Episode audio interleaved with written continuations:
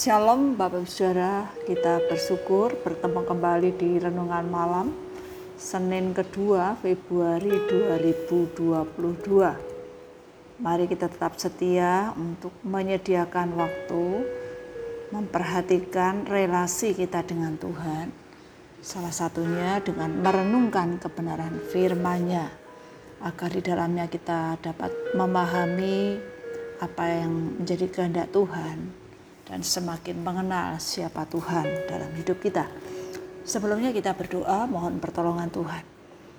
Bapa yang di surga kami bersyukur oleh karena anugerah Tuhan kami dimampukan untuk melewati kehidupan di hari ini. Saat ini ya Tuhan kami akan merenungkan kebenaran firman-Mu. Kami membutuhkan firman-Mu itu. Dan kami pun memerlukan pertolongan Tuhan dalam kami merenungkan firman-Mu itu. Jadikan kami pribadi yang memiliki hati yang siap untuk ditaburi oleh benih firman Tuhan. Agar firman-Mu itu dapat berbuah dalam kehidupan kami seperti yang Engkau inginkan. Jadikan kami anak-anak Tuhan yang dengan rendah hati menerima nasihat perintah Tuhan dalam kehidupan kami. Dalam nama Tuhan Yesus kami berdoa. Amin. Mari kita memperhatikan dari kitab Kisah Para Rasul pasal 7 ayat 36. Kisah Para Rasul pasal 7 ayat 36 demikian firman Tuhan. Dialah yang membawa mereka keluar dengan mengadakan mujizat-mujizat dan tanda-tanda di tanah Mesir, di Laut Merah, dan di Padang Gurun 40 tahun lamanya. Musa telah memimpin bangsa Israel keluar dari Mesir dan memimpin bangsa Israel ketika berada di padang gurun. Padang gurun adalah tempat yang harus dilewati agar dapat masuk ke tanah perjanjian. Ketika mendengar istilah padang gurun yang muncul dalam pikiran kita adalah tempat yang gersang, yang menggambarkan kesulitan dan penderitaan Tentu siapa pun ingin menghindari padang gurun itu, tetapi padang gurun itu selalu ada dalam kehidupan manusia, termasuk kita di zaman ini. Bangsa Israel harus melewati padang gurun untuk masuk ke tanah perjanjian yang Tuhan siapkan. Jika mereka tidak melalui padang gurun, mereka tidak akan pernah menikmati susu dan madu yang telah Tuhan siapkan. Berada di padang gurun memang tidak menyenangkan, tetapi justru merupakan salah satu sarana untuk melatih otot, melatih seberapa kekuatan, kesabaran, perjuangan untuk melewati padang gurun itu. Ada padang gurun, itu mengingatkan kita agar bergantung kepada Tuhan. Mengingatkan bahwa kesulitan, tantangan, penderitaan merupakan sarana yang Tuhan pakai untuk melatih iman kita supaya kuat, supaya bersandar sepenuhnya hanya kepada Tuhan.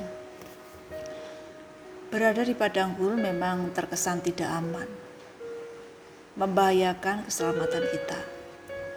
Namun kita perlu memahami, mengingat dengan baik bahwa bangsa Israel telah mengalami mujizat Tuhan, mengalami pertolongan dan penyertaan Tuhan di padang gurun itu Tuhan mengirimkan mana dan daging burung puyuh selama 40 tahun.